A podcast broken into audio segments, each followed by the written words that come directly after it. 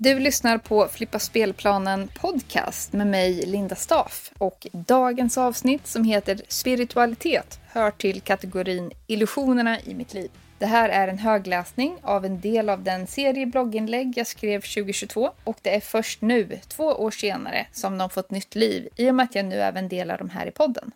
Det är en serie där jag ifrågasatt den livsstil jag har eller haft och om hur jag upptäckt att jag levt mitt liv mer utifrån mitt ego än mitt hjärta. Vilket ju är en process såklart, då jag gör nya insikter hela tiden. Jag delar det här för att stötta andra som går med liknande tankar och för att jag tycker att det är dags att vi börjar se världen med nya ögon. Det här kommer bli ett kortare avsnitt, för det finns inte mycket att säga om det. Det finns desto mer att uppleva bortom beskrivningar.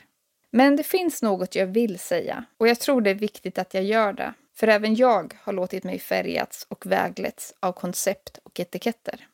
Att sätta ord på något som inte kan sättas ord på kan i så många fall leda till en begränsning, för allt kan inte beskrivas med ord.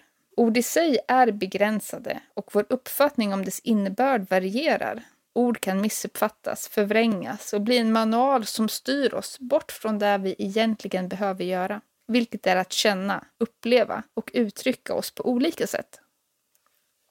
Följa hjärtat är ett uttryck som utan djupare förståelse kan förväxlas med att göra vad man vill.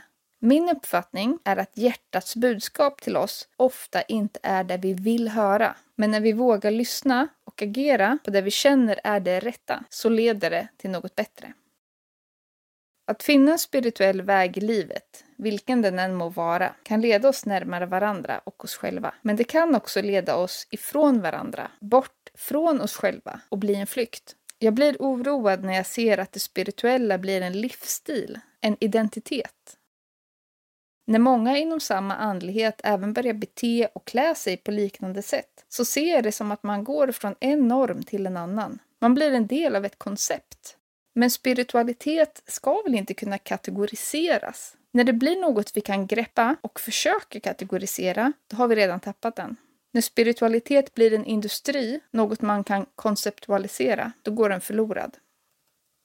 Naturen, rockmusiken och klimatförändringarna fick mig att återigen hitta tillbaka till den livsfilosofi jag hade som ung. De är alla väldigt grundade, har en enorm driv och livskraft inom sig som jag gillar. Idag pratar jag mycket om pura vida-filosofi, som för mig inte är något annat än att leva livet mer enkelt, naturligt och ärligt mot mig själv. Helt enkelt att gå min egen väg.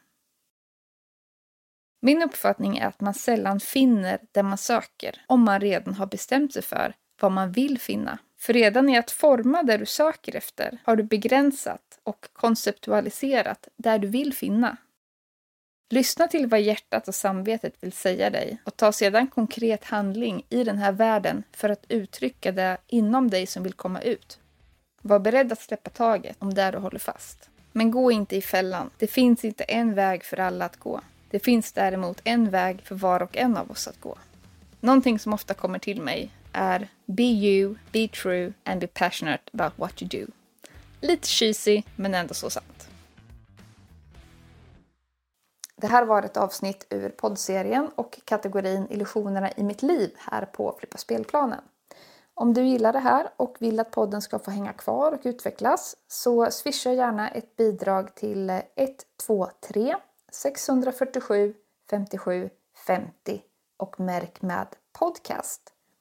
Vill ni diskutera innehållet i vad som har sagts här så finns det en Facebookgrupp som heter Flippa spelplanen podcast Snackis. Så välkomna dit! Ha det gott!